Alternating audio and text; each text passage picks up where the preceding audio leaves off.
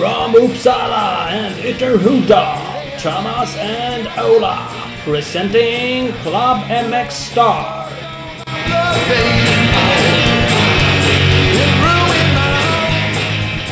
Nu är det dags igen. Närmar oss 100 skulle man kunna säga. Vi är på väg åt rätt håll från... Tippar åt rätt håll i alla fall. Avsnitt 53. Ja, det blir inga, det är inga gigantiska kliv. Det är inte så att vi kör 30 avsnitt i taget, men det är, ja, 53. Vi kör ju. Det har vi inte gått ut med så hårt. Det ska vi kanske göra. Men vi tänker oss att det kommer ett avsnitt varannan tisdag nu för tiden. Precis. Har, vi har ju styrt upp värsta planen utan att berätta den för någon. Mm. Det är ju egentligen otaktiskt av oss att berätta om en plan ifall den skulle skita sig. Ja, det är det i och för sig. Vi lägger väl in någon sån här brasklapp, eller vad kallar man det för? Att det kanske blir justeringar. Men förhoppningsvis blir det en justering till att det kommer något extra avsnitt då. Men Ja, tanken är att lite jämnare Ja, utgivningstakt. Exakt. Så, att, så ni vet att eh, tisdagar varannan vecka, då är det bara att vara på tå på morgnarna. För då finns det nya bitar ute. Oh yes! Förra avsnittet som kom ut på en tisdag Ja, var det, med Fred Werner. exakt så. För det var det jag tänkte. Tisdagar är onödigt bra dagar att ge ut avsnitt. Det, det var det. det. Det blev ett, ett jävligt populärt avsnitt, vilket är svinkul. Det var för övrigt jävligt bra. Så om man inte lyssnar på Fred Werner-avsnittet så ska man gå in och göra det. Ja, direkt. Eller ja, lyssna Ja. klart på det här först, men sen. Ja, lyssna, börja lyssna klart på det här. Det, det var ju så bra så att det blev en gästkrönika i senaste Race Magazine. Ja, det var faktiskt skitkul. Det var... Det trodde vi inte. Klok som en bok var han, eh, vår gode vän Werner. Ja, det var tydligen fler som tyckte det också, så att han fick vara med och sladda även i race. Mm. Så det ska man gå in. Om man inte redan prenumererar på Race så borde man ju göra det. Eh, Om inte annat får man köpa ett lösnummer och läsa den gästkrönikan och eh, andra saker om Albin Östlund och lite skoj. Anders Eriksson står de i senaste tidningen. Ja, den, och jag fan gillar nya formatet, magazine-formatet. Jag tycker det var, känns jävligt påkostat. Mm. Jag gillar också det. Och mer artiklar sådär som passar sig i tidning att läsa. Ja. Eh, det är riktigt jävla grymt. Eh, har man för mycket pengar, eh, även pengar kvar när man har tecknat sin prenumeration då, så kan man swisha pengar om man tycker det vi gör är bra. Ja, Till exakt. Så köp en prenumeration först, sen swishar du resten till oss. Mm. Det blir svinbra. Vart gör man det? Det blir, ja, det gör man ju på nummer 123 592 4816. Ja. Det hittar man ju på, på hemsidan och lite sånt där om man vill det också. Och nu trycker ni på backa-knappen så hoppar det tillbaka 30 sekunder. Så får ni höra det. Ja, precis. Det är hur grymt som är. Vi körde en aktion på Fred eh, Noréns Fast Freddys tröja nyligen. Mm. Eh, Det är bara bra grejer att ståla på. 2000 spänn som skänktes till eh, Barncancerfonden. Ja. Får vi gratulera Viktor Wikstrand som vann, vann den aktionen och tacka för att han faktiskt donerade de pengarna. Ja, och Ja. tacka Andreas Örnedal på Örnedals trafikskola som donerade tröjan. Precis. Bara det. Svin, svingrymt. Ja, det är ju hur grymt som helst. Faktiskt, faktiskt. Då när vi ändå håller på att tacka, ska vi inte fortsätta då? Och det tycker jag. Vi har Kör! ju våra samarbetspartners som vi har börjat tacka till våra avsnitt. Och Mm. eh, vi fortsätter. Vi har eh, Husqvarna. Gå in och kolla Husqvarna Scandinavia på Instagram. Husqvarna understreck Scandinavia till exempel. Finns eh, bilder på en iskittad 701 som de var uppe och sladdade med i år nyligen. De var till och med förbi här och visade upp den i bussen. Jävligt eh, stekig. De var lite sugen på. Det var en glad, eh, glad stackars österrikare eller schweiz eller vad han var som fick sladda runt den. Då ville man ju vara med Ja. och tävla. Går det eller? Ja men det, det gör ju faktiskt för han hade ju varit med på en tävling. Jag gissar att det var en liknande tävling som jag hittade nu. Så går man in på 701supermotor.com så kan man ju vara med och tävla och få åka ner till Österrike och köra en 701 i bergen där. Ja, jag gick faktiskt in och tävlade. Det är klart man vill göra det. Ja. Eh, Så det är hur grymt som helst. Vi ska även tacka Scott. Andreas Linusson som är med i dagens avsnitt. är ju skottförare. Precis. Vad har vi fler för förare? Ja, vad har vi mer? Ljunggren va? Jocke? Men? Jesper och Pontus Jönsson. Eh, Jesper Ja. vann nästan. Pontus var ju nästan. Och sen har vi väl eh, nya sucka, snabba sucka-teamet. Rickard här och 73 Hansson och Kim Lindström. Oh, yes! Ja, ja jag bara naila alla. Ja, det finns säkert jäkligt många fler. Men eh, det brukar vara mycket skottåkare. Men där var, där var några av dem. Så att, Ja. vill man vinna, då boka skott. Så enkelt. Ja, Så enkelt är det. Ja, sen har vi Speedstore. Butiken i Valbo utanför Gävle. Sveriges fortfarande nyaste Husqvarna-butik och även den eh, längst norrut belägna. Ja. Kommer det upp en ny Husqvarna-butik så kommer den höra av sig och vara svingrinig. Men så är det. Vi, eh, vi ska ju åka Husqvarna i år. Så att du har ju redan varit och hämtat ut din nya 350 bike där. Oh, jag har ju det. Jag har ju till och med kört två timmar och 20 minuter. Pass på. Det är korvbyte snart. Mm. Har de några mer grejer? Eh, nej, men de kör ju sitt tjejläger. Vi har pratat om det tidigare. 28-29 maj på Årsunda. Ska man köra SM där så ska man absolut vara med i lägret. Det är öppet för alla, så även om man kör SM så går man in på eh, speedstore.nu slash mxcamp och kollar upp all information vad det gäller det. Vi ska även tacka Mafi. De kör ju helt Ja. enkelt ett team. Det heter Team Yummy, Mafi MX. Vad har de för förare, Ola? Oh, nu får jag gissa igen. Jag är bra på det här. Eh, Sandberg är ju kvar. Kalle Yes. Bengtsson är ju lite ingift i teamet. Pappa håller i trådarna, så att han är väl kvar. Ken Bengtsson är ny för i år. Eh, Tim Edberg är väl ny för i år. Och Rasmus Andersson har väl eh, hängt kvar sedan i fjol, tror jag. Ja. Följ eh, Mafia MX team på Facebook. Då får man veta allt sånt där. Det tycker jag absolut man ska göra. Fin enkelt. Sen, eh, och då när man ändå är inne på Facebook så kan man logga ut där och så kan man gå in på speedequipment. Eh, vad heter de? Kommer SE? Det var oklart. .se såklart. Mm. Och för där är jag Mm. just nu och, och kollar på nya Troy Lee-kläderna som ligger där. Mm. Sen har det det här är inte alls förankrat överhuvudtaget. Men Speed Equipment har gått ut med en egen väst och en hoodie där som vi bara bestämde att den ska vi tävla ut en sån idag. Vi kör ju en tävling. Hur svårt kan det vara liksom? Nej, så är det. Vi får väl dega det själva om det är så. Men vi ska tävla ut en, en väst eller en hoodie bara. Punkt slut. Det ska man göra. Så gå in på speedequipment.se. Kolla upp vad de har för öppettider på butiken. Sen skriv, dunkar ni in ett mail till thomas.mxstar.se. Så kommer vi eh, helt enkelt dra en vinnare där som får välja antingen en hoodie eller en väst. Jajamän! Det blir Där har vi det. får vi se om vi får öronen avvridna av herr Norberg. Det kanske vi får. Det sig. Fan, det tar vi. Inga ja, problem. Nej, inga problem. Har du eh, druckit någon, eh, någon tequila nu eller? Nej, tequila i Mexiko. Vad dricker man i Spanien? Sangria? Då dricker man cerveza. Sangria dricker man också. Sangria. Vi eh, ringer och kollar om Linusson har druckit något. Ja, men det gör vi. Bra. Tjena grabbar! Hej då! Ja, hola! Hola, ¿qué tal? Muy bien, muy bien, y tú? Good, good. Eh, fan! Du är nere i Spanien? Yes, nu är tillbaka i Barcelona här. Kom hem eh, från Madrid alldeles nyss faktiskt. Ja, ja, ja. Gött. Kan du någon spanska här för övrigt? Nej. Nej. Eh, bara fula ord och knappt det, knappt. Det är inte mycket att hänga i granen. Nej. Av någon märklig anledning så är det oftast det man lär sig först. Ja. Det, Ja. det är väl de man får höra från, eh, från tränarna så här man har där nere kanske. Ja, är det så?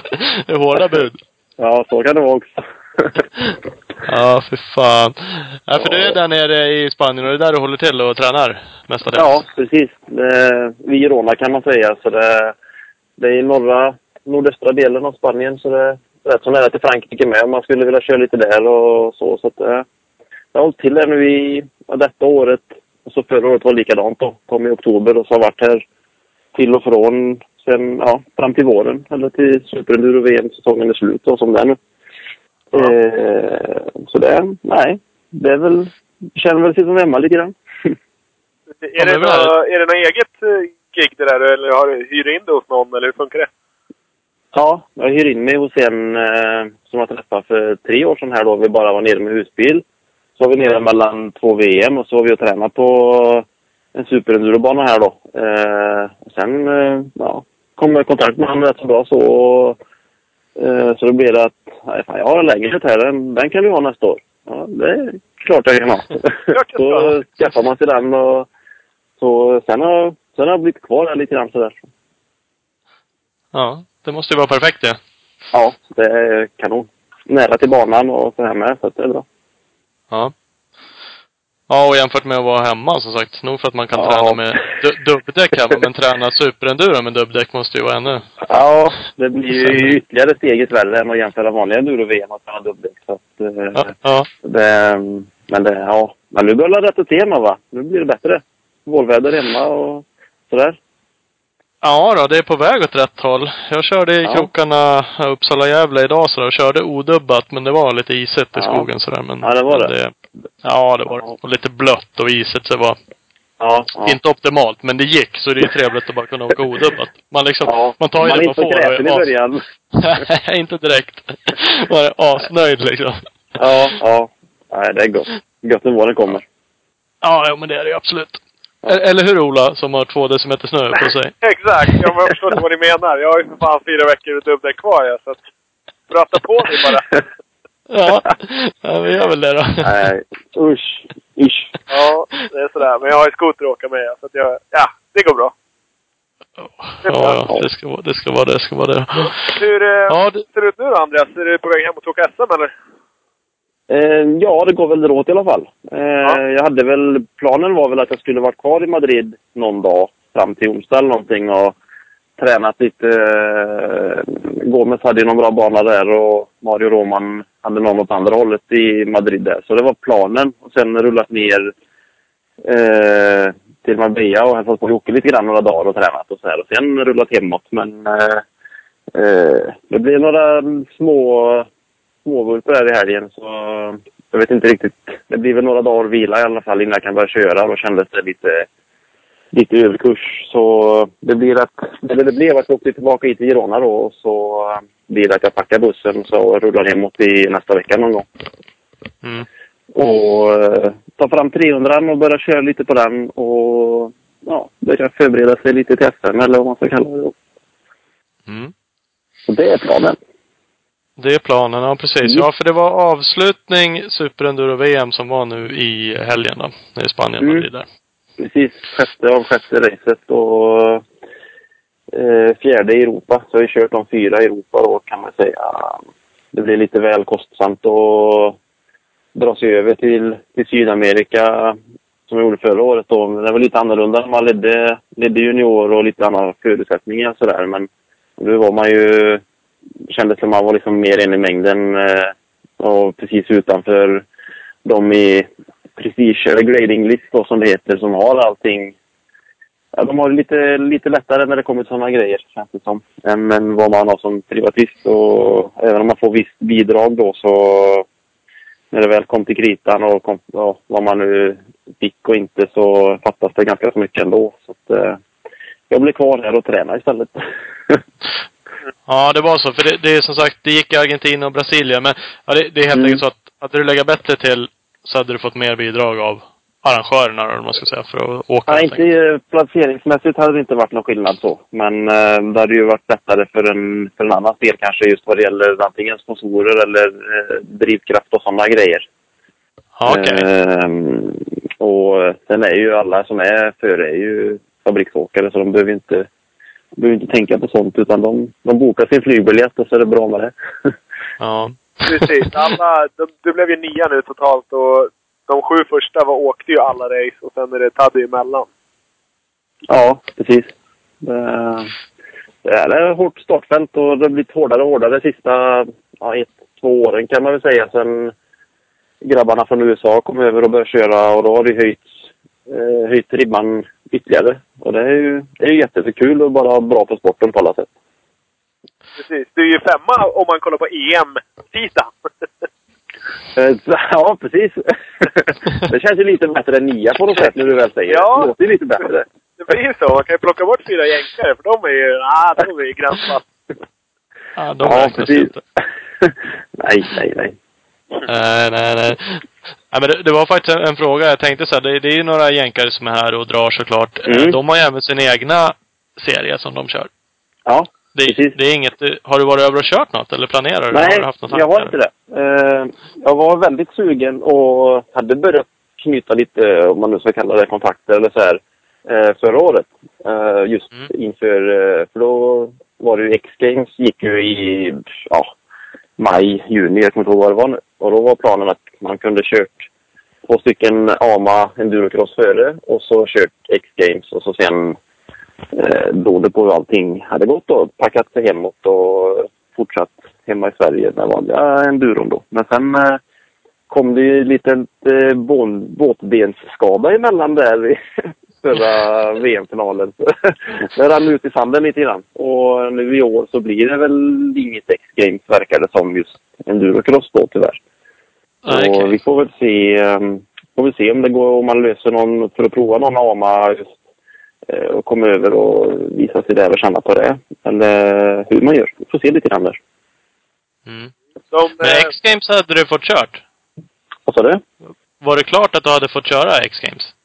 Alla får väl vara med och försöka kvala in i stort sett. Okej, det är så det är i... Mm. Ja.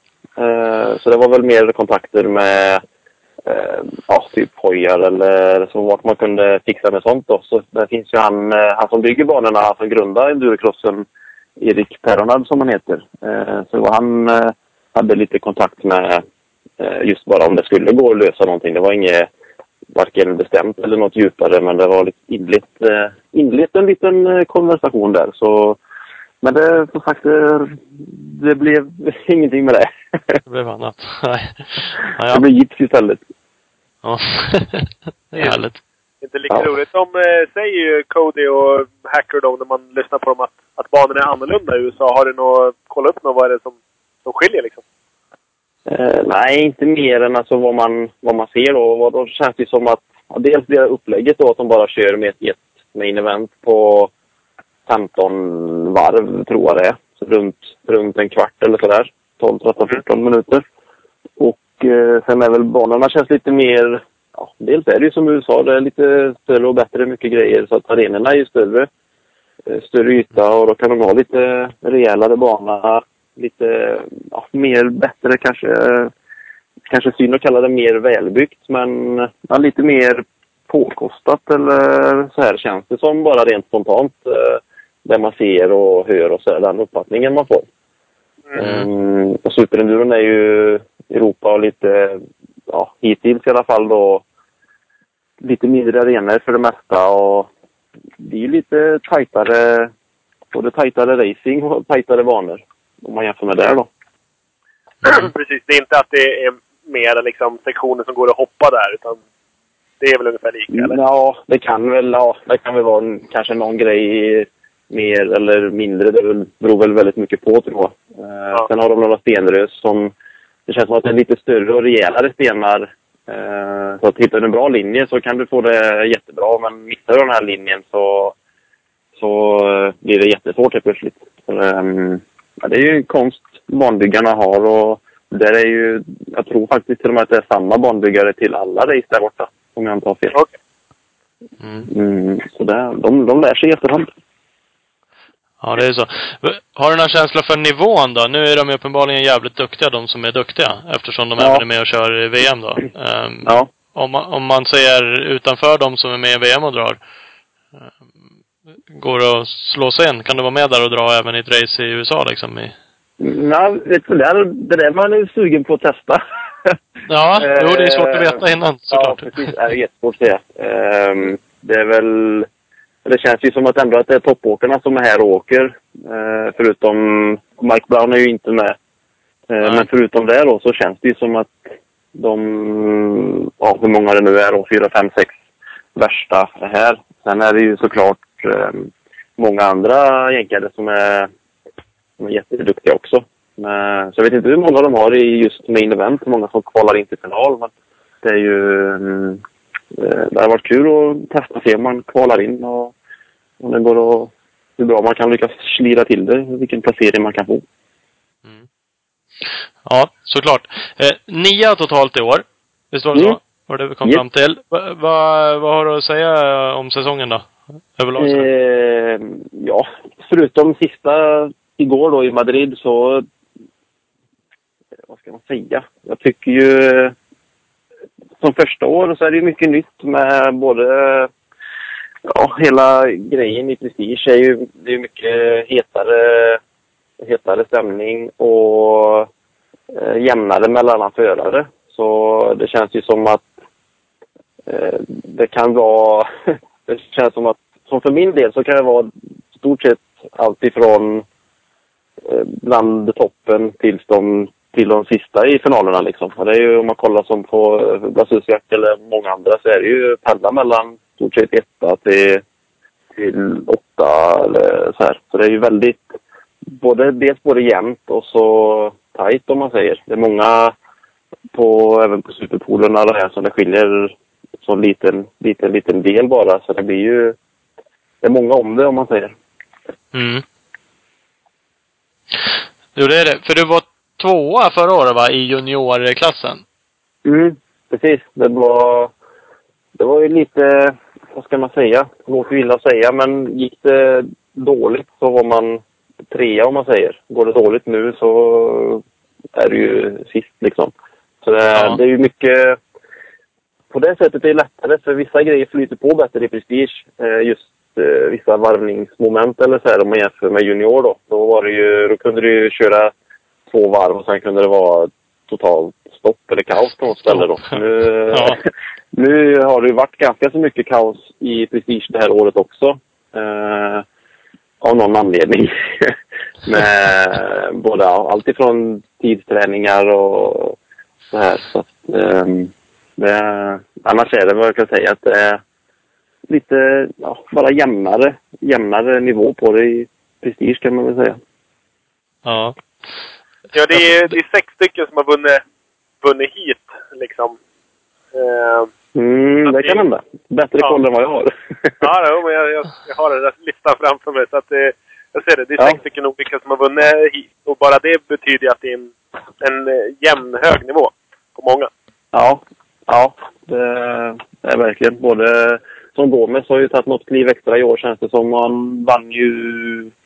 Ja, kanske har vunnit mer än ett hit, jag vet inte men... Nej, han, han vann Eh. ett och Robert... Eh, Ja, Taylor, Robert vann också ett. Och, och då visar Ja, det sig att liksom, gör man en, en bra start och, och ett bra hit, ja men då är man med. Då kan man till och med vinna. Och gör man ja dåligt exakt. race, då är man mycket längre bak. Då blir man varvad till och med. Ja, precis. precis. Det är med. ja, ja. Det, ja, det är helt rätt. Hur, hur svårt är det att hantera? Och ena racet var med liksom topp top fem, topp tre och så nästa då är man varvad istället. Va? Ja, Det- det måste ju- ja det men måste så kännas var det ju...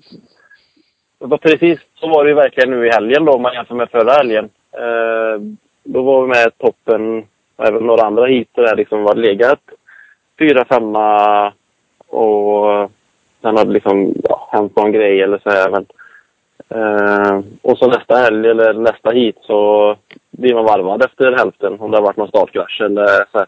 Och de gångerna man blir varvad så det är ju blåflagg och så här men många gånger så vet man inte vem som är, om det till exempel då kommer Webb och så Gomes ihop.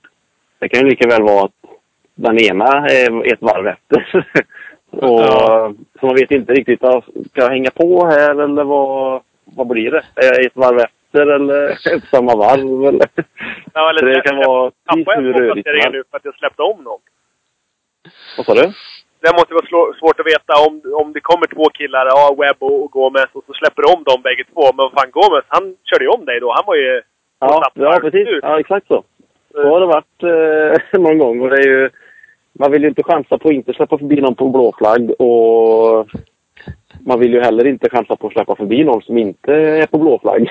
Nej. Nej. så det och det, så har det faktiskt varit väldigt tydligt några hit eh, i år för min del tycker jag ju. För jag är väl den som är, om man ska kalla det ojämnast av allihopa. Så att eh, jag kan lika väl tillhöra ja, hyfsat i toppen och jag kan lika väl vara två varv efter, känns det som. Vad beror det på egentligen?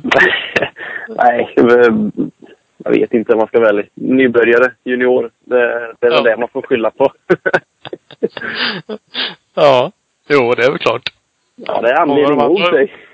Ja, det är, ja, det är anledning nog. De har ju varit med ett tag, några av de Ja. andra. Eller, ja. Ja, de har ju bra erfarenhet och speciellt jänkarna som kommer ju direkt ifrån en serie som är slut till en annan som börjar. eh, Som det var i år då. Det var ju bara några veckor mellan deras sista AMA och till första VMet i Polen. Så de var ju... Hade ju de hade ju stämningen uppe och så här medan de andra, eller vi andra, eh, får en premiär om man ska säga. På gott och ont. Ja. Ja. Ja, jo men så är det ju såklart. ja. Så, Ja, det är så. Jag ser, jag Ja, men- ser en annan grej här nu när jag sitter och kollar på, på resultatet. Det är bara Walker som du inte har spöat i minst ett hit. På hela året. mm, ja, det kan också stämma kanske. Så det är ju bra också. Mm. Det är ju också någonting att Ja, ta med sig. Eh, De får ta med sig godbitarna. De få som finns som man njuter av. Plocka. Får vara jävligt selektiv för det. Precis. Plocka russinen medan man kan. Absolut. Absolut. Är så. Så är. Sålla bort jänkarna. Ja, precis. Bort med dem. Och så de i Europa. Ja. Ja, precis. ja. Nej, men det tar sig. kan det bli jävligt bra det här. Fan, kanske kan ha segerfest snart. Ja, innan vi är färdiga här så har vi snart vunnit. ja, fan vad klockrent. Ja, det är rätt. Ja då. Vi, vi länkade ut det där klippet på dig och Taddy, Blasusiak. När ni Eh, kraschade vilket ihop av i Tjeckien. höll jag på att säga. Ja, precis. Det har varit flera va? Det är i Tjeckien. Ja. Precis. Det är väl- ja, det är ju en av gångerna. Ja, det är väl den som kanske blir mest eh, omtalad, eller vad man ska kalla det. Ja, jag läste någonting som eh, David Knight hade lagt upp. Jag tror att Knight Mm. hade lagt upp det klippet och, och menar på att, eh, att Taddy var lite ute och cyklade där. Mm, det... Ja, jag vet inte om det finns något att säga egentligen. Alltså, jag förstår ju att han blir, eh, blir sur. Och där är ju troligtvis jag också blivit. Eh, och det som hände på banan har ju ingenting att säga om heller. Alltså, just vad han reagerade eller gjorde där. Men eh, vad han gör... Vad, vad, vad sa han? Skrek? Det som hände efter har vi, har vi ingen aning om. Det får vi ta först. Men vad fan säger han när han står där? Det ser ju alla på klippet att han ser ut skrika någonting åt dig. Ja, han skriker ett par väl valda ord ett par gånger där, eh, kan man säga. Så, eh, nej, det, det får ni... Ni får ringa till Taddy själva så får ni få eran syn om det. Ja. Blir det, blir det bara pip, pip, pip, pip, pip? ja, det blir nog knappt det tror jag. Det är nog ett sprakande i luren och sen, är det, sen dör hela luren för det tror jag. Men grejen är att ni låg ju jävligt bra till med väl? Ja visst, det var ju det som var så synd alltså. Hade om då, om det inte hade hänt alls och jag hade eh, bara bromsat in och väntat då och inte riskerat att Gomes och Heiker körde förbi Ja. och så, så hade jag väl ja, blivit trea där hitet. eh, Och hade jag kommit förbi då så hade jag väl varit två efter Robert då. Så att, eh, men det är ju det. Om och inte hade och ena med det tredje så Ja. så är det ju många sådana bitar. Och det är ju likadant för alla. Men visst var det synd. Det hade ju eh, varit jättekul. Det hade ju varit bra för Taddy att bli tvåa och jag trea eller tvärtom då. Hur, hur nu omkörningen eller vad man ska kalla det hade slutat. ja. Har, du, har du kollat på klippet? Det är jävligt nära att Haker kör på han också. ja, och det är också jävligt nära att eh, Taddy Foy åker över sargen. Ja, jo, det med. Så, eh, ja, nej det är ju jätte, det är ju bara synd. Det är olika och det är ingen, ja, som jag ser det så är det ju ingens fel. Ehm, är det. och det är ju otur att det är jag och Taddy varje gång. Jag tror det är, om jag har kört 12 hit i Europa då, de fyra som jag har kört. Så, ja. Förutom Madrid då, det är nio hit, så är det nog, jag tror det är fyra gånger på nio hit. Så det är ju inte långt ifrån hälften. Två gånger i Polen, en gång i Tyskland och så Prag nu då. Så, nej, det är ju... Det kunde ju varit någon annan emellan tycker man. Ja. Första Men eh, berätta, tror jag det var. berätta vad som hände efter målgång då. Eh, ja, det var allmänt sur kan man säga. Eh, och all, bara rätt så dåligt eh, sportsmannamässigt uppträdande eller vad det kallas. Ja. Och eh, ja, sen har jag inte... Sen har vi inte eh, pratat mer kan man säga. Okej. är det inte så att ni tränar ihop också på samma ställe? i Spanien?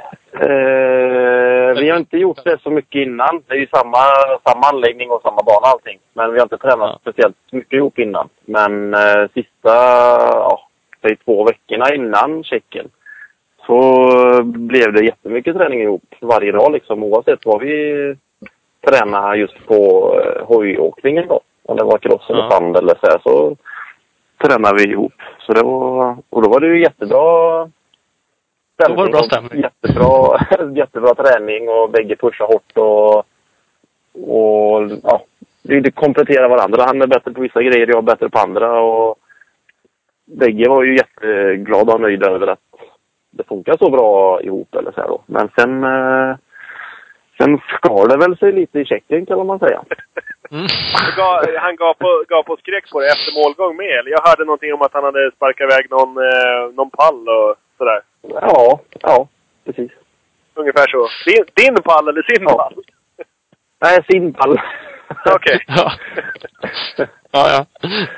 Ja, Det är ganska många som är på din sida i alla fall. Det var bara en timme sedan vi la ut det där klippet på våran Facebook-sida. Och Ja. det är väl en, nästan tio stycken som tycker att Ja, de överdriver. De tycker du skulle ha vevat till han och att eh, han gjorde fel och vilken fjant och grisigt gjort och oproffsigt och... Ja. Ja, jag vet inte.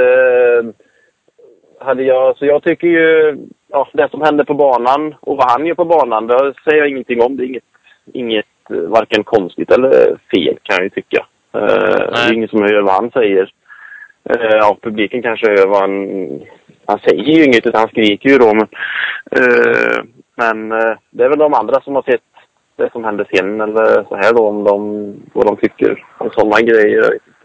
Det, det upp till han. Det är hans, just den grejen är ju hans problem. Sen eh, är det ju synd och tråkigt att det eh, blev som det blir. Alltså efteråt då inte, blir det kanske inte så mycket mer träning ihop just nu som det ser ut i alla fall. Nej, det är ju lite är synd. ja, det är jättesynd. Eh, det är väl det som är det tråkigaste kan jag tycka. Alltså att någonting som var så pass eh, bra eller vad man ska kalla det blev så pass fel. Ja. det är synd. Men så Ja. kan det vara ibland. Det, så kan det vara. Jag är inte sur. Alltså, jag förstår att han blir sur och att eh, man blir arg. Men eh, jag tycker att det är konstigt att det inte har lugnat sig eller lagt sig för honom. Det är väl mest det som är synd. Ja, alltså en tävlingsmänniska, då är man ju och det är klart, han, just i tillfället där tycker han att du är fel såklart. Ja, Eh, ja, ja. Och det, det, är väl, det är väl okej att reagera liksom. Och Ja. han gör ju inte, han är i sig lite dryg. Han ställer ju då, lyfter sin hoj på din hoj. Och så står Ja. han ju där och grejar. Ja. Eh, där håller ju du dig jävligt iskall, tycker jag Ja. personligen. För där hade jag nog Ja. blivit förbannad om jag var i Jag gjorde ett par rejäla dragande och slitande i mitt hoj, i min hoj. Jo, Det var ju, men- var man ju för klen för, för att orka lyfta upp en människa Ja. och en, en hoj. Eh, trots att man var rätt så adrenalinpumpad så var det för tungt. Och hade han Och, och, eh, gett iväg istället för stått där och dryga sig så hade han kanske kunnat tagit en plats till liksom. Ja, han hade tappat bara, han hade bara tappat Heiker och Gomes. Så hade han ju rullat Ja. in som fyra då. Ja. Eh, Ja. Men nu slank ju till någon gubbe till emellan och så här då. Så att, eh, Ja, Ja. Webb hinner ju komma med annat. Så att, eh, nej, han, det, det var lite märkligt. ja, eh, jag vet inte om man inte fick igång hojen eller om det bara var Ren djävulskap. Eh, Ja, jag vet inte. Det, det, det är som det är oavsett. Ja, det är som det. Vi ska släppa, ni som lyssnar nu och inte har sett det, gå in på våran Facebook-sida. Den ligger även på din Facebook-sida. Men där kan man se det klippet. Det är ju rätt så kul, Ja, om man nu får säga så. Men, mm. ja, ja, när det blev som det blev så. Ja, det, Ja. Kul är det ju aldrig, men det, det är ju bara Nej. att försöka släppa det för, ja, för hans del och för min del och Ja, allt det där. Det är så. Hur, hur mycket megastjärna är han egentligen? Han har ju vunnit sjukt många gånger. Ja, VM. jag tror han? han har vunnit, vad sa han nu då? 11, sa han 11 mästerskap på 10 år med AMA, tror jag. ja. Jag vet inte exakt hur det var nu, men eh, det är ju sex, kan det vara sex VM-guld och fem AMA, tror jag. Ja, det kan säkert stämma. Jag ser VM-gulden framför mig. Det är sex stycken. Ja, Och sen- och det är X-Games och så. Så han, alltså det är ju, ska man då kalla det stjärnan eller har varit stjärnan. Nu har ju jänkarna eh, närmat sig betydligt. Så att nu är det väl fyra, fem andra som håller samma nivå som han och kanske till och med högre då. Men Mm. det är ju han som ändå är, om man ska kalla det, lite huvudperson eller som, som eh, ja, alla event och tävlingar spelar på. Det är ju liksom huvudnamnet, det är ju Blasusiak. Så att, eh, Mm. det, det är det. Har, har han lite att säga till om? Går han och sprätter och, och bestämmer och tycker att det här hindret får nog göra så här? Det här? Nej, Ja. det är inte så. Det tycker jag inte. Och, eh, och faktiskt, han är ju bra som person. Så han, han eh, som jag kommer ihåg, just första tävlingen jag körde i Liverpool 2014, tror. Så var det ju lite kaos med banan sådär när vi kom dit. Och då sa han liksom det att jag bryr mig inte för jag klarar det oavsett. Men eh, för eventets del och eh, alla andra förare så tycker jag att vi borde göra si och så här. Och så ändrar de då. Eh, och det var innan det var både många jänkare Och även innan det var liksom en, eh, eh en baninspektör om man säger då, som är Paul Edmundsson som är ute på i stort sett alla VM nu då och gör en, ja, kallar det besiktiga banan då som liksom, ja det här är, det här är bra, det här får vi andra, det här är för farligt, det här hoppet är för eh, högt eller för smal landning eller ja, sådana här grejer. Då. Säkerhetsgrejer kan man väl säga då.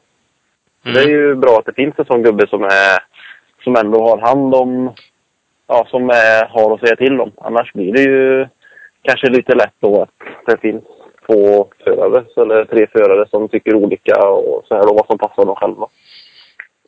Mm. Ja, och det är klart, klarar man av det som han, han skulle ju bara kunna tycka det är asbra att allting är svinsvårt och ingen annan kan ta sig över. Eller runt. Ja, ja precis. Om man nu är sån. Ja, Eh, exakt. vi, vi fick faktiskt en lyssnarfråga apropå lite hinder och sådana saker från Andreas Johansson. Han undrar lite vad Mm. du tycker liksom är absolut svårast. Eh, han nämner också liksom vedpolerna där, att de ser jäkligt svåra ut. Eh, Ja, är det något... ja, det beror väldigt mycket på. Ja, jag håller med om att det är ju... För min del så brukar det ju vara, hända ganska så mycket strul i eh, just eh, vedkubbarna om man säger då. Men det beror väldigt mycket på... Eh, ja, är de inte sågade så att det är halvmeters stubbar eller vad man ska kalla det då. Så är det ju eh, riktigt svårt för det lägger sig inte till så bra. Men är det vanliga vedkubbar som du eldar med stort sett så lägger de sig till hyfsat och så här. Och även om du kör på en sån så gör det inte så mycket om den är på tvären eller om du kör på tvären på den. Men eh, är det oklyvt och eh, runda grejer överlag är det ju rätt så lätt för att flytta sig mellan förarna som kör. Och ena varvet du kör så kan det gå liksom helt smärtfritt som asfalt stort sett. Och så kommer du nästa varv och så kommer du inte ens igenom eh, hindret. Så att, eh, det, jag tycker, jag med de flesta tycker väl att beroende på hur de nu är gjorda vedkubbarna så eh, den sämre varianten av dem är ju ganska så lotterifylld kan man väl säga. Mm. Och det är väl det som är eh, synd. Men är det en bra variant av vedkubbarna så är det inga större fara så. Nej. Man ser ju liksom att det, det, är, ju- det är ju verkligen... Alla har ju verkligen problem ibland. Man tycker ju att, ja men fan, Mm. ni är ju ändå bäst i hela världen på det här. Och ändå så ser man som hacker som vann nu, ja, han ligger ner och, och kör och kraschar och grejer nu i sista tävlingen också. Ja. Och får liksom bara riva ihop grejerna och upp igen. Och det måste vara, det måste vara jävligt chansartat att, att köra sönder grejer. Alltså spräcka en kylare eller eh, sådär. Det handlar ju mycket om, Ja. om att ha sönder Sen, grejerna. eh, det kommer ju ofta någon, någon förare efter den också som passerar över grejerna eller sådär. Så det kan ju stryka med ganska mycket grejer om man har otur. Jag klarar mig, just i år har jag klarat mig bra med, med grejer och så överlag. Men det är ju som sagt, det kan lika väl eh, vara färdigt rätt så omgående. Med, I och med att det är så mycket folk som ska igenom samma grejer på en gång oftast. Ja. Nej, men man säger ju sagt, ni gör ju misstag allihopa. Så händer det någon, så kör man en sån här deltävling, eh, gör Ja. någon det utan att liksom krascha? Eller att det händer någonting? Nej, Så eh, det tror jag inte. Det brukar vara framförallt på första träning eller tidsträning och sådana här grejer. Folk ska... Ja, man vill ju testa allting. Eh, det är ju Ja. rätt så kort om, kort om tid och nu har jag haft fördelen i år då att jag har kört, eller för och nackdelen får man säga. Eh, fördelen är ju att jag får köra en träning och en tidsträning mer än de andra. Eh, plus kvalracet då. Så jag har ju lite mer lugn och ro på förmiddagen där och testa för att kvala in och de här grejerna. De andra får ju, och blir det? Två träningar blir det ju. Mm. och en superpool och det här sen då. Så det är ju det är en av fördelarna av att inte vara i gradinglista. Ja, precis. För det är någon sid, eh, någon sidaktigt, några stycken där som slipper Ja. kvala liksom. Precis. Eh, och även, ja, vinner du junior då, eh, året innan, som Tremaine gjorde nu då, så blir du automatiskt eh, i grading list.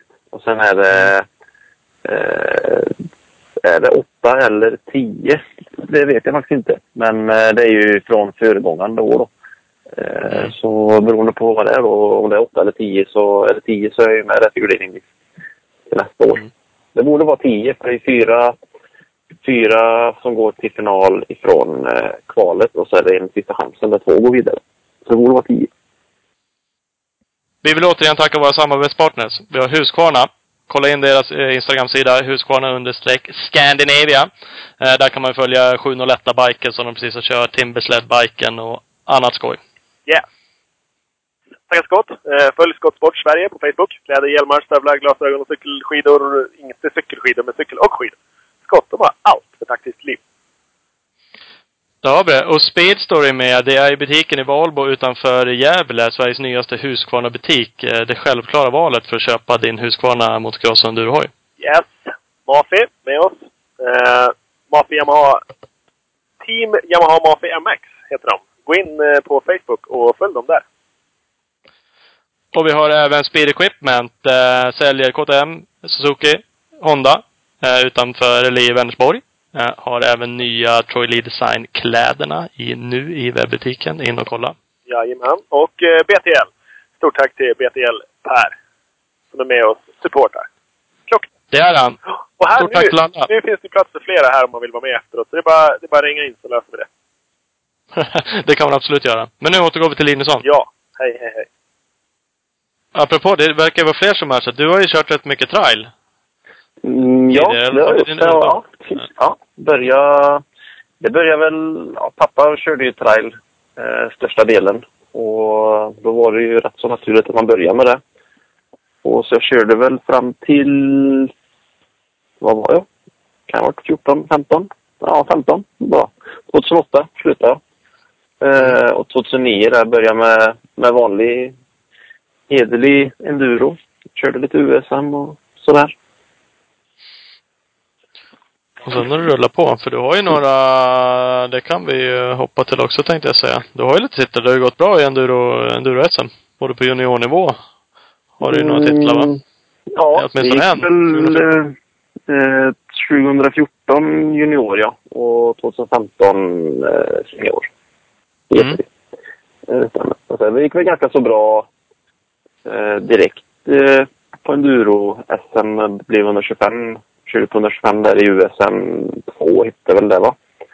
Eh, Mm. Körde nog bara två tävlingar första året. Så jag tror jag var typ tvåa, trea direkt där eh, det året. Och sen har det rullat på. Eh, tränat på, tagit steg, steg för steg och klass för klass och sådär. Sen blir det ju mer och mer att man eh, ja, kallar det satsa på en super, superenduron då och prova på det. Mm. Eh, de senaste, det är väl tredje säsongen blir det väl. Och ja, sen det, det rullar på hela tiden. Det, det är det du skulle vilja hålla på med om du fick välja och bara göra någonting? Är det liksom superenduron som är? Mm, ja, det är jag. Jag gillar allt, höll jag på att säga. Eh, eh, så jag är lite...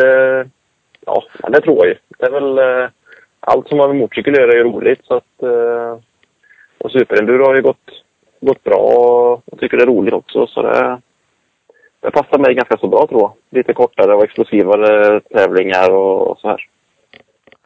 Extrem, eh, extremproverna på enduro-SM är inga, inga konstigheter längre riktigt.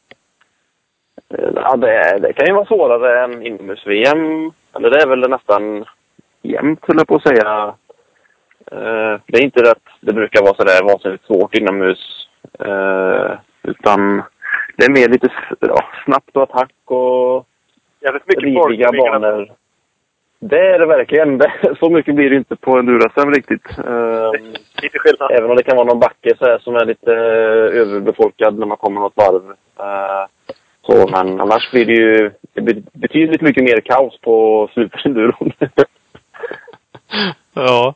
Det är när jag och Ola är med och kör enduro-SM som det blir st- stökigt. ja, det- nej då. Ja, Jag körde, körde jag körde ju för kycklingslingan på, när jag körde enduro. ja, till och med det. Fan. Till och med det. Ja, till och med det, till och med det. Mm. Men apropå trail där. Det var dit jag skulle Mm. komma. Nej, det är fan inte lätt. Eh, Har du någon fördel av det? Eh, ja, alltså jag, eller man kan väl vända på det. Jag har väl ingen nackdel av det. Eh, Mm. Kan man väl säga. Eh, det finns väl många, när det blir lite kritiska moment kanske, som man kan ha nytta av det. Eh, om det ligger någon eller norr i idealspåret, om man kan säga, i något stenrös eller så här. Men det är ofta så pass halt. Eh, så att det blir ju lätt att ja, både folk och en annan lägger sig på grund av att är riktigt halt, snorhalt i stenar och så här. Så det går inte göra vad som helst som man kanske tror då, utan ofta kan det vara att ja, du blir sittandes eller halkar runt lite där i stenarna så här. Men jag tror ju, ja, det är ju det är ingen nackdel absolut, det tror jag inte. Men det är inget du tränar aktivt idag för att liksom Nej, förberedd på superenduron? Nej. nej det är det verkligen inte. Det är bara, jag lånar någon trailhoj av en kusin eller någon kompis så där ibland åker upp och trailar lite. Just i Kina där så är det ju en av de bättre eller de större anläggningarna eller vad man ska kalla det i, i Sverige med för trail. Det är väl ett litet hjärta i det hela. Så, och det är väl det man började en gång i tiden. Så det är ju många, många kompisar som fortfarande håller på och kör trailen så att man är, är väl där och hajkar runt lite och snackar lite med grabbarna och sådär. Lite social grej bara. Det blir inte många gånger, kanske blir, blir det mycket så blir det tre gånger på ett år kanske. Ja, ja, ja. Det är väl Det är- det många kul. som, eh, som Walker och Tadde och det är väl säkert Hacker, Hacker också för mig, som har åkt trail förut. Mm, ja, det är ganska många. Just av jänkarna där så vet jag inte. Webb har ju kört eh, trail vet jag. Eh, på rätt Ja, bra i nivå i USA i alla fall. Sen hur den nivån står sig i Europa det vet jag inte. Men eh, eh, det är ju många som är trailåkare i alla fall. Och framförallt om man kollar till super eller till extremenduron som Ersberg och eller hardenduro som det kallas mer och mer då. Där är det ju nästan bara trailåkare tror jag. Ja. Gamla avdankade trailåkare. Ja, exakt. Hur eh, ser du på sådana race då? Är det någonting som är intressant? Oh, jag gjorde ju ett eh, test, eller ett försök, om man ska kalla det, på Battle of Vikings förra året. Ja. Och ehm, det var väl ingen större varken framgång eller lycka i det, kände jag. Eh, det var Du vann ditt kval va? Ja, jag vann den här grejen på fredagen, där prologgrejen. Ja, precis. Och ehm, den var ju fräck. Det var lite mer superenduro, eh, eller vanlig enduro med lite superenduro-inslag kan man väl säga. Så lite snabbare och lite mer attack så här. Så det hela var ju över på, jag vet inte, men säg runt en kvart, 20 minuter. Men, eh, men eh, på lördagen där så eh, fick jag ju starta med 10 sekunder eh, före Jocke då, som var tvåa. Och de 10 sekunderna är ju, det är ju som en halv tiondel på ett vanligt enduro-SM ungefär. så det tog inte många kurvor innan Jocke var i kapp och låg bakom och så här. Och, och jag hade ju ingen, jag hade ju ingen riktig plan och visste ju framförallt inte hur långt fyra timmar det är för att släpa runt på en motorcykel i, i skogen. Men det gick ju bra första varvet. Första och, och ja, andra.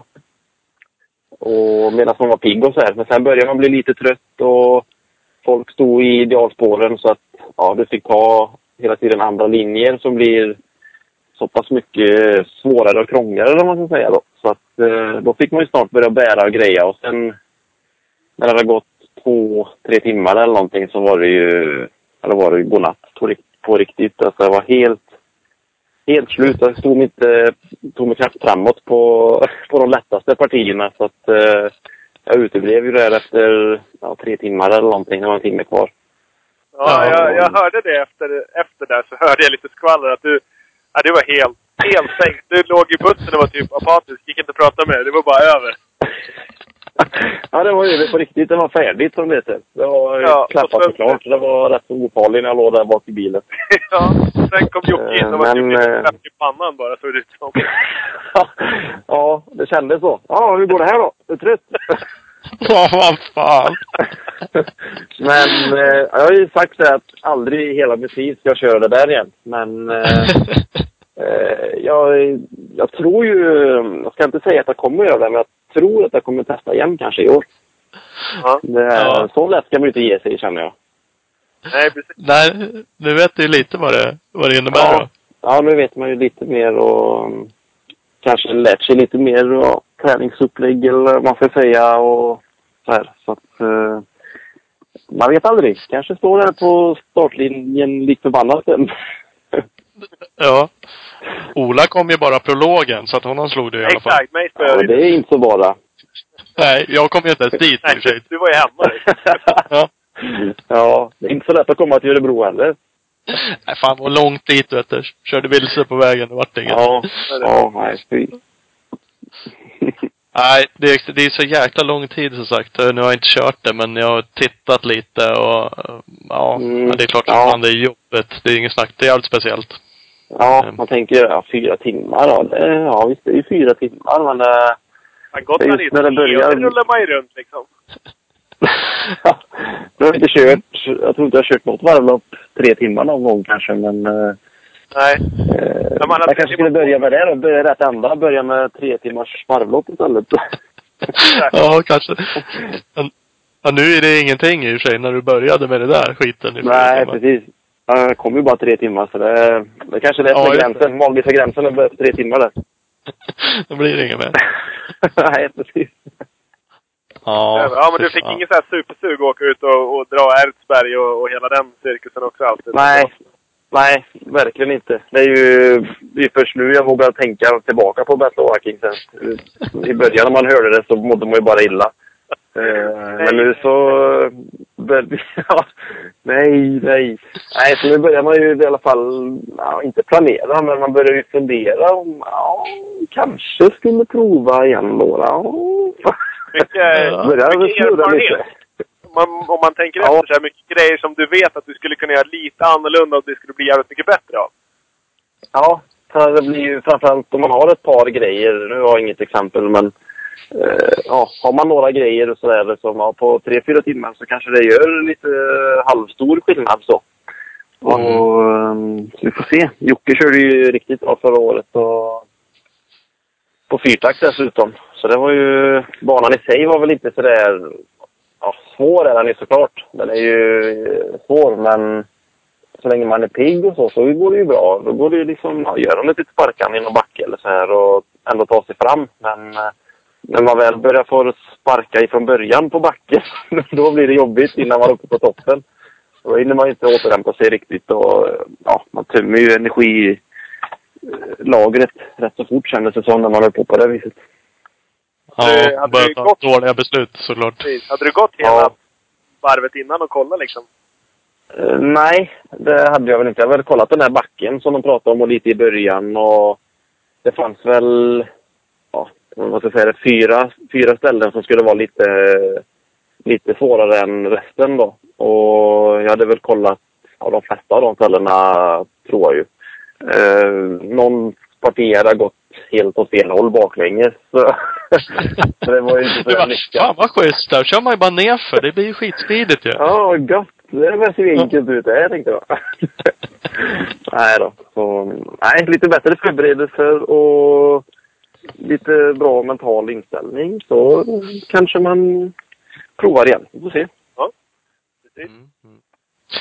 Du nämnde att Jocke körde fyrtakt där. Du har Mm. kört fyrtakt nu va, i Super Enduro? Ja, jag började på 350 EXE. Körde de två första på det. Samma som jag har kört ja, 90 procent av det jag kört superenduro. Jag körde 252 takt första ett eller två tävlingarna. Sen bytte jag till 350 takt och Eh, det funkar jättebra med, med 350 och så här. Framförallt som, som privatist. Liksom bara ja, ta den rätt i lådan och så kan du köra. Det räcker med effekt som det är och precis ja, så lagom liksom. Men eh, sen tyckte jag... Jag har alltid varit sugen på att prova 250-crossen, den nya, sen den kom. Prova den ordentligt på superenduron. Jag fick låna en, ja, en demohoj från Örebro i somras. Eh, och träna lite allmänt, så det var lite cross och lite där. Och hojen är ju hur grym som helst. Lätt och smidig och nya chassit är ju... Ja, det känns ju som en liten cykel nästan. Det är ju riktigt, riktigt bra. Och, mm, men så finns det inte sådär jättemycket bra superenduro. Det finns väl några sådär, men det går inte att jämföra riktigt med vad som finns här nere eller vad som finns på VM. Så, så jag vågar inte chansa riktigt på att göra ett byte till 250 då. Så det blev att jag tog 350 igen. Eh, men så när det inte blev Sydamerika då och lite så här andra grejer så tänkte jag ah, jag, jag måste ju ge den en chans. För jag trodde verkligen på den och tror att det kan bli bra. Så jag var hemma och hämtade en, en 250 SXF och körde ner och testade. Och den passar, framförallt så passar den mig väldigt bra. Eh, lätt och smidig hoj och effekten är ju inte långt ifrån 350 enduro heller. Det var lite annan, annan eh, karaktär på, eller kurva eller vad man ska säga. Så fungerar det jättebra. Så det är jag jättenöjd med bytet. Och sen gick det ju Prag var ju första superenduro-tävlingen jag körde på den, kan man väl säga. Och eh, jättebra, jättebra känsla direkt på den och eh, jätte, ja, riktigt nöjd med, med hojen faktiskt. Mm. Det, det känns som det är fler och fler som åker fyrtakt va? Mot, Mm. mot tvåtakt förut, eller? Ja, innan var det ju en sport för 300 tvåtakt kändes det nästan som. Men Ja. eh, det har väl ändrats lite mer, lite mer och mer. Eh, varför vet jag inte. Eh, om det blir, banorna blir lite mer crosslikt eller jag vet inte faktiskt. Eh, men ute som man ser på hardenduro så är det ju bara 300 tvåtakt stort sett. Men det är ju en helt annan, helt annan sport. Så att, eh, Lite lättare, jag gissar att det är det man vill åt liksom, tvåtakten. När man... Ja, och så är det trailkänslan precis på låga varv kan jag tänka mig Mm. är det man vill åt. Och så vikten som du säger. Eh, vikten och smidigheten och inget, inget gyro direkt att bråka med och, eh, och så riktig ja, förgasar tvåtaktskänsla på låga varv. Det är ju, det är ju gott. Det är ju riktigt gött. Mm. Ja, det är klart. Du nämnde lite som snabbast att, nu- att du inte gör så mycket, eller du, man kan ta den mer eller mindre direkt och köra. Men, men är det någonting specifikt ni ställer in, eller du?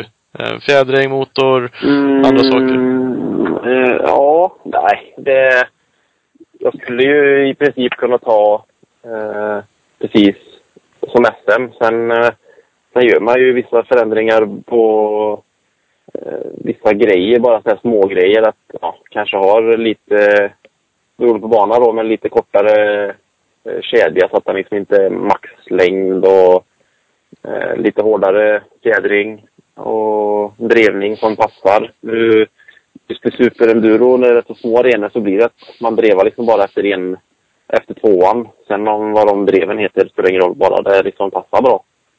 Ja. Eh, Men skulle man köra antingen som X-Games eller USA, det blir lite... Ja, då får du ju dreva efter två växlar om man säger då. Mm. Eh, annars är vi inte sådär jättemycket som skiljer. Det är väl fjädringen framförallt då som är lite styvare, eller betydligt styvare kanske. Mm. Och En lite- framförallt endurofjädring liksom, eller vill man åt supercrossfjädring tänkte jag säga. Så gör man Ja, hårdare än en crossfjädring ja. till och med. Det är nog Ja. mer åt det hållet skulle jag faktiskt tro. Och sen eh, är det ju, beroende på banor, ganska så mycket pusslande med, med mossarna. Om man vill ha en, en ny hård eller om man vill ha en liten, liten eh, mjuk och god. Är lite mer trail, mycket trailaktigt och om det bara är smälla rätt i hopp eller i stockar eller så här. Och underlag om det är halt eller... Så det är väl det, är väl det man har att pyssla med. Det är väl drevningen och fjädringen och däck och mos egentligen. Det är väl det som är största. Eh, Som man gör. Ja, precis. Däck då? Vad får ni åka på? Får ni åka på traildäck och sånt där om ni vill? Eh, nej, det vill man, vill man nog inte. Men om man får, Nej. det vet jag inte.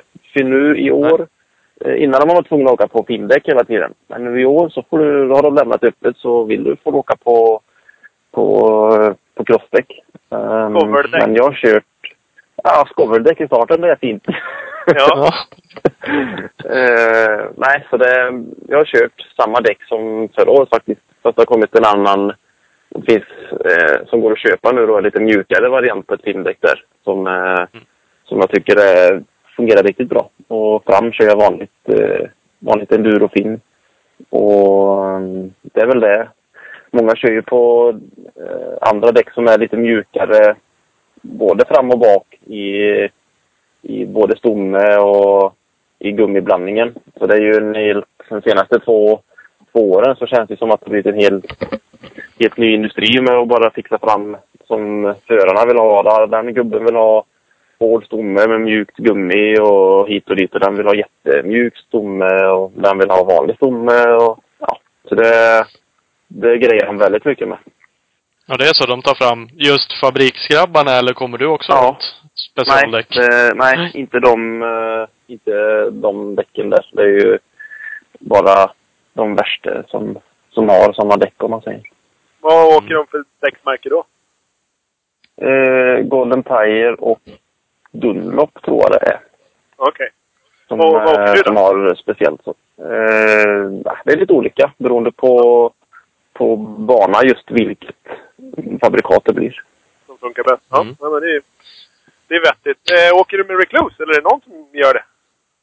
Mm, ja, jag gör inte det. Men jag vet att eh, när Heiker körde 450 Honda så hade han ju inte just Recluse men hade ett annat, ja, en, i alla fall en automatkoppling i den då. Men det var ju Honda 450 Cross så det, det är ju lite annorlunda. Men eh, sen vet jag inte vad faktiskt jänkarna kör med. Om de åker med i Europa gör de inte det i alla fall. Men om, det är, om de andra jänkarna i USA i deras A-serier, eller om de kör med Recluse eller inte, det vet jag inte. Det har jag hört både och. Har du provat? Varför gör man det inte? Det känns ju som att det borde vara helt Mm. optimalt i Superenduro. Ja, det är väl just det här sista snärten om man säger emellan, ja, du kommer ur en sväng och så är det en stockdubbel eller i en matrix, du går ner emellan och så ska du göra ett drivande på kopplingen och eh, hoppa. Ja, göra ett litet gubbarslir där. Och, och reklusen är väl säkert, jag har faktiskt aldrig provat reklus. Eh, inte ens på grusväg eller någonting. Eh, vanlig enduro eller en meter. Eh, men de säger att även om det fungerar bra så det här sista, sista rivet, eller vad man ska säga då, som blir, det går inte riktigt att jämföra med en vanlig, vanlig koppling om man säger. Nej. Men eh, det är väl något man kanske borde ha provat i alla fall.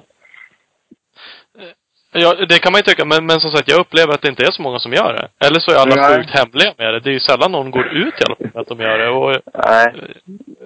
jag vet och det måste ju bero på någonting kan man ju tycka. För i, i teorin när man bara sitter och tänker på det borde det vara jäkligt smutt. Eh, Ja, ja.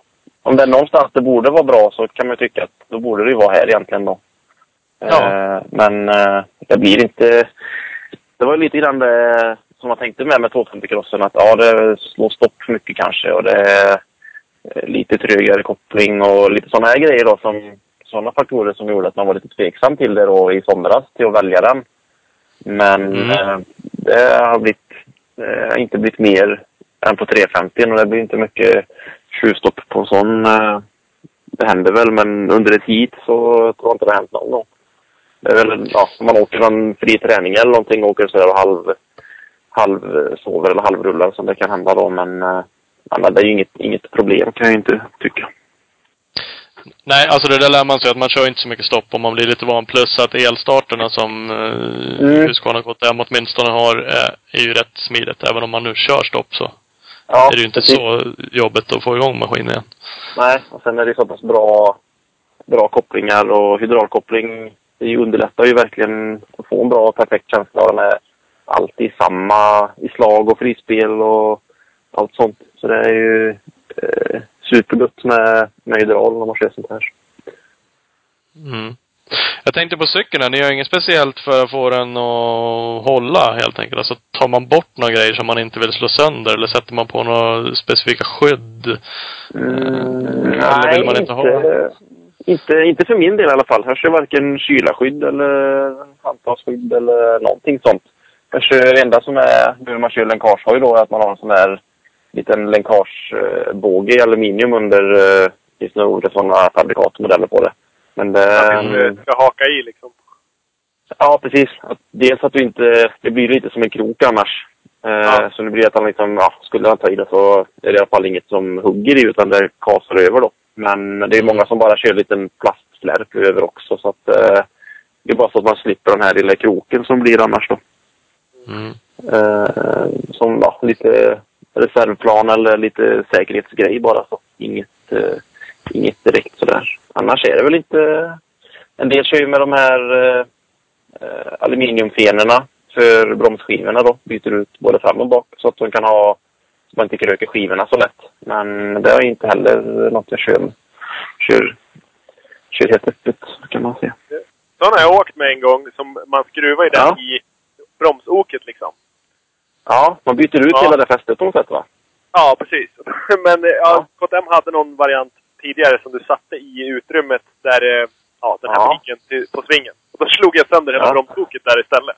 Det var, jag hade nog fan hellre krökt bromsskiva. Ja, det är så nog fortare att byta bromsskiva eller bryta till Ja, den. men så Service billigare än att också. byta bromsok. Ja, framförallt. Ja. Ja, det är sant. Så är det. Är det om, du, om du skulle försöka lära oss att att spaka där extremenduro, vad, vad, har du något tips eller? Vi frågade Ljunggren förut och han sa att vi skulle få komma till Karlskoga och träna på lite plankor på en parkering. Körskolan ungefär. Ja, ungefär. Det var lite den Ja. nivån. Garagesvängen, det var den vi skulle börja med. Vi får försöka balansera på någon plankbit tyckte han det var lagom. Har du något grundtips det- liksom? Usch. Nej, det beror ju alltså... Det är väl, man kan väl dela upp det så. Alltså, antingen om man nu är på den nivån eller om man ser det och ta sig igenom. Eller om man har lämnat det stadiet och bara tar sig igenom och bara och ska köra fortare om man säger. Eh, annars, eh, för att lära sig, eh, om man ska säga, så eh, att stå upp.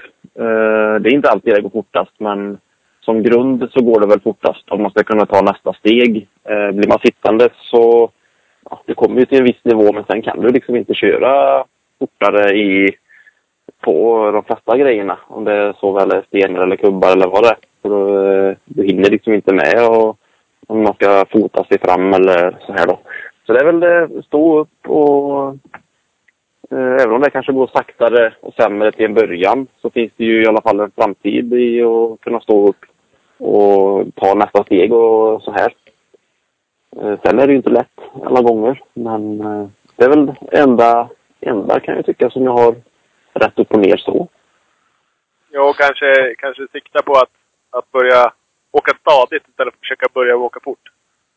Mm, precis. Och det som ofta avgör, eller som brukar vara skiljer för eh, förarna och på en bana. Eh, en bana som innehåller så mycket sten som möjligt så brukar det också vara att det skiljer mer mellan förarna.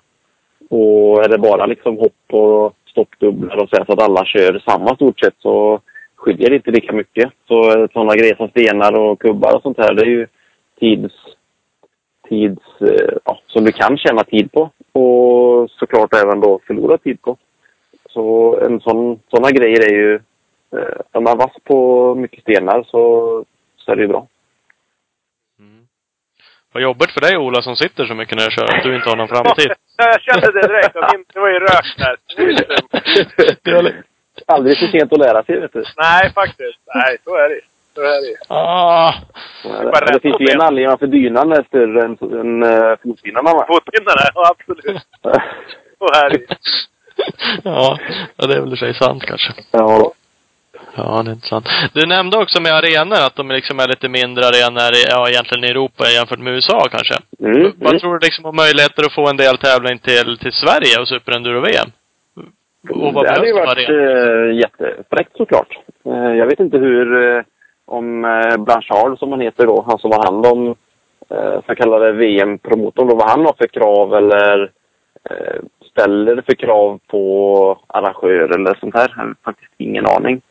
Eh, men visst skulle det gå. Det hade ju varit jättefräckt att är, ja, Tele2 Arena eller Globen eller det finns ju mindre arenor som eh, skulle fungera också om man, om man ser det så. Ja, nu har ju du åkt. Är det alltid liksom mitt i smeten i huvudstaden eller är det någon så här mindre stad, typ eh, Norrköping på, på, på utkanten där också?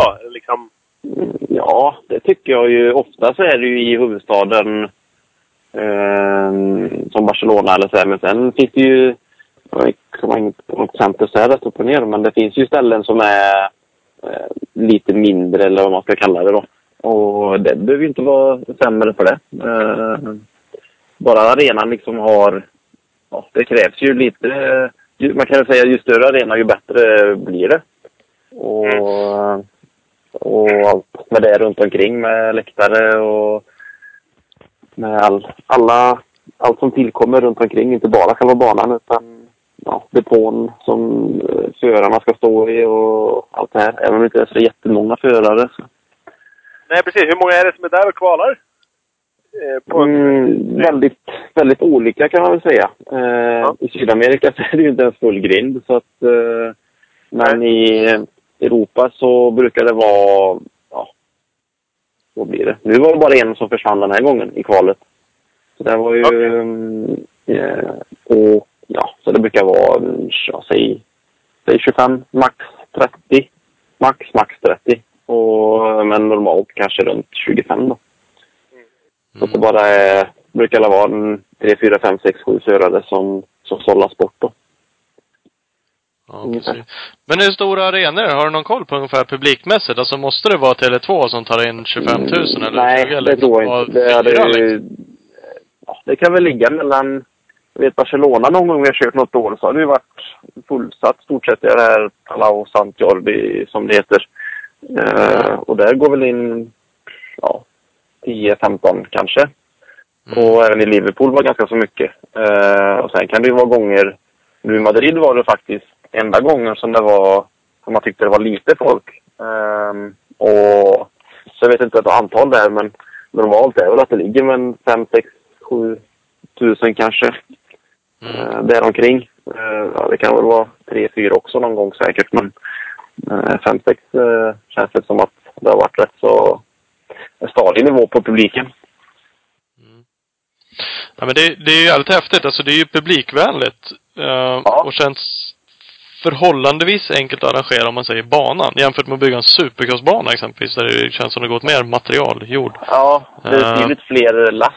Eh, Ja. Går det åt att köra in. Sen, eh, så det, ja, det, jo, men det, så är det ju. det Ju mindre, mindre arbete, ju lättare är det väl att få, eh, få hitta arrangörer och allt sånt här med. Man behöver liksom inte hyra en arena i en vecka för att lyckas hinna bygga en bana. Utan det går att få ihop på lite. Ja, en två, tre dagar känns det väl som eh, att de bygger och så tömmer de den på, tömmer den på en dag senare.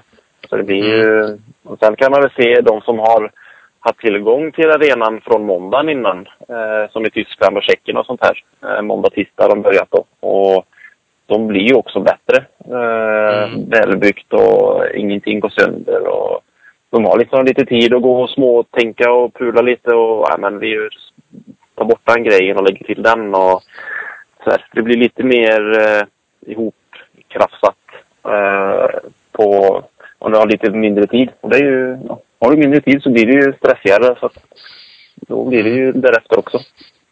Ja. Ja, för Ja. Publik, publikvänligt är det ju, måste man ju säga, om, eftersom VM avgjordes i liksom sista varvet, sista heatet. Ja, verkligen. Både actiongrej och allting på arena och 16, 16 eh, förare i finalen på eh, åtta grindar och så är det två led och så är det omvänd startordning i andra heatet då. Så snabbaste eh, på tidsträning får välja sist då i andra heatet. Välja grinden. Och, så det blir väldigt mycket action och omkörningar och, och kaos blir det ju ibland också. Så att det är ju publiksport om något, tycker jag ju. Mycket, det känns ju som att det borde bli mycket svordomar, men och som vi har pratat om att nästa gång så står man ju där själv och har ställt till det. Ja, ja, ja visst. Det är ju, det är ju ingen, ingens fel och ingen som gör någonting med flit. Utan alla vill ju köra felfritt och eh, få sina egna bra poäng som möjligt. Sen blir det ju som det blir. eh, I och med att det är så kort varv. Det kan ju vara... Ibland är ju banan ja, 35 sekunder någonting. Och som längst har den varit drygt över en minut då. Och det blir ju snart kaos med, med omkörningar och varvade och folk blir trötta i slutet. Alla blir trötta i slutet och även de som liksom ska köra om och försöka tänka och göra något bra beslut. Det är inte lätt när man har 105 procent av sin maxpuls i stort sett. Precis. Så blir det snart lite galet. Ja. Och så känns det som att ibland så är det så här, då har man åtta sekunders lucka och sen, är det, sen blir man omkörd två kurvor senare. Bara, vad händer där? Ja, ja. Det är de som jag inte kollat eh, på varvtiderna eller live-resultaten nu, men de sa det att det varierar ju något otroligt nu i Madrid framför allt. Normalt sett så brukar det vara lite stabilare. Alltså, är du, tar du starten så, som för de här då, så blir den liksom Även om Brasilsak tar starten, säger vi då, eller Taylor Roberts, så går det dåligt. Så tappar han ett par gubbar så blir han nog femma kanske. Men nu så var det någon som var jätteseg, segt iväg i starten och startkrasch, men ändå kom upp sig hyfsat. För de strulade så pass mycket själva i toppen där och bytte placeringar upp och ner och så här. Så det händer, händer väldigt mycket kan man säga, på kort tid. Mm. Ja. Såg du, Det är ju kul. såg du sista heatet själv? Jag ser att du inte, du åkte inte det. Du hade kastat in handduken då eller? Nej, jag åkte, jag åkte hela heatet och så när det var, mm, ja, vad var det, kanske 15 sekunder kvar på sista varvet så eh, landar jag, ner som vurpar, så krokar jag ihop på något konstigt sätt. Så jag vurpar på hans fotpinne i, i höften, eller höftryggen, ländryggen kan man säga. Så eh, ja, jag kunde inte köra ifrån. Eh, Jag fick vänta till det var, jag hade kunnat bli så pass att jag kom upp på hojen och kunde rulla ut sen. Så. Det var väl inte så bra avslut på den här, eh, på den här eh, säsongen heller. Från förra året lite grann. Precis. Så fan. Det Nej, var för du var inte med i listan alls. Jag tänkte du kanske inte åkte dit. Nej, det är nog DNF bara längst ner där i bland bottenskrapet. Nej, du, vända du är faktiskt inte ens med. Det står i final tre så är det bara 13 stycken som, som är med på listan överhuvudtaget. Okej. Ja, ja. Mhm. Skriva till dem och berätta att fan, jag var också med. ja, precis. Du körde fan allt utan 15 sekunder. Borde åtminstone få stå med som DNF. det är väl det minsta man kan begära tycker jag. Ja, vad fan. Ja, det är sant faktiskt. Ja, det är inte Ja, lätt. vet. Nej, det är inte lätt, det är inte lätt. Eh, vi ska runda av lite. Jag har en sista lyssnarfråga. Mm. Jag vet inte exakt vad han vill få ut av det, men Emil Berglind.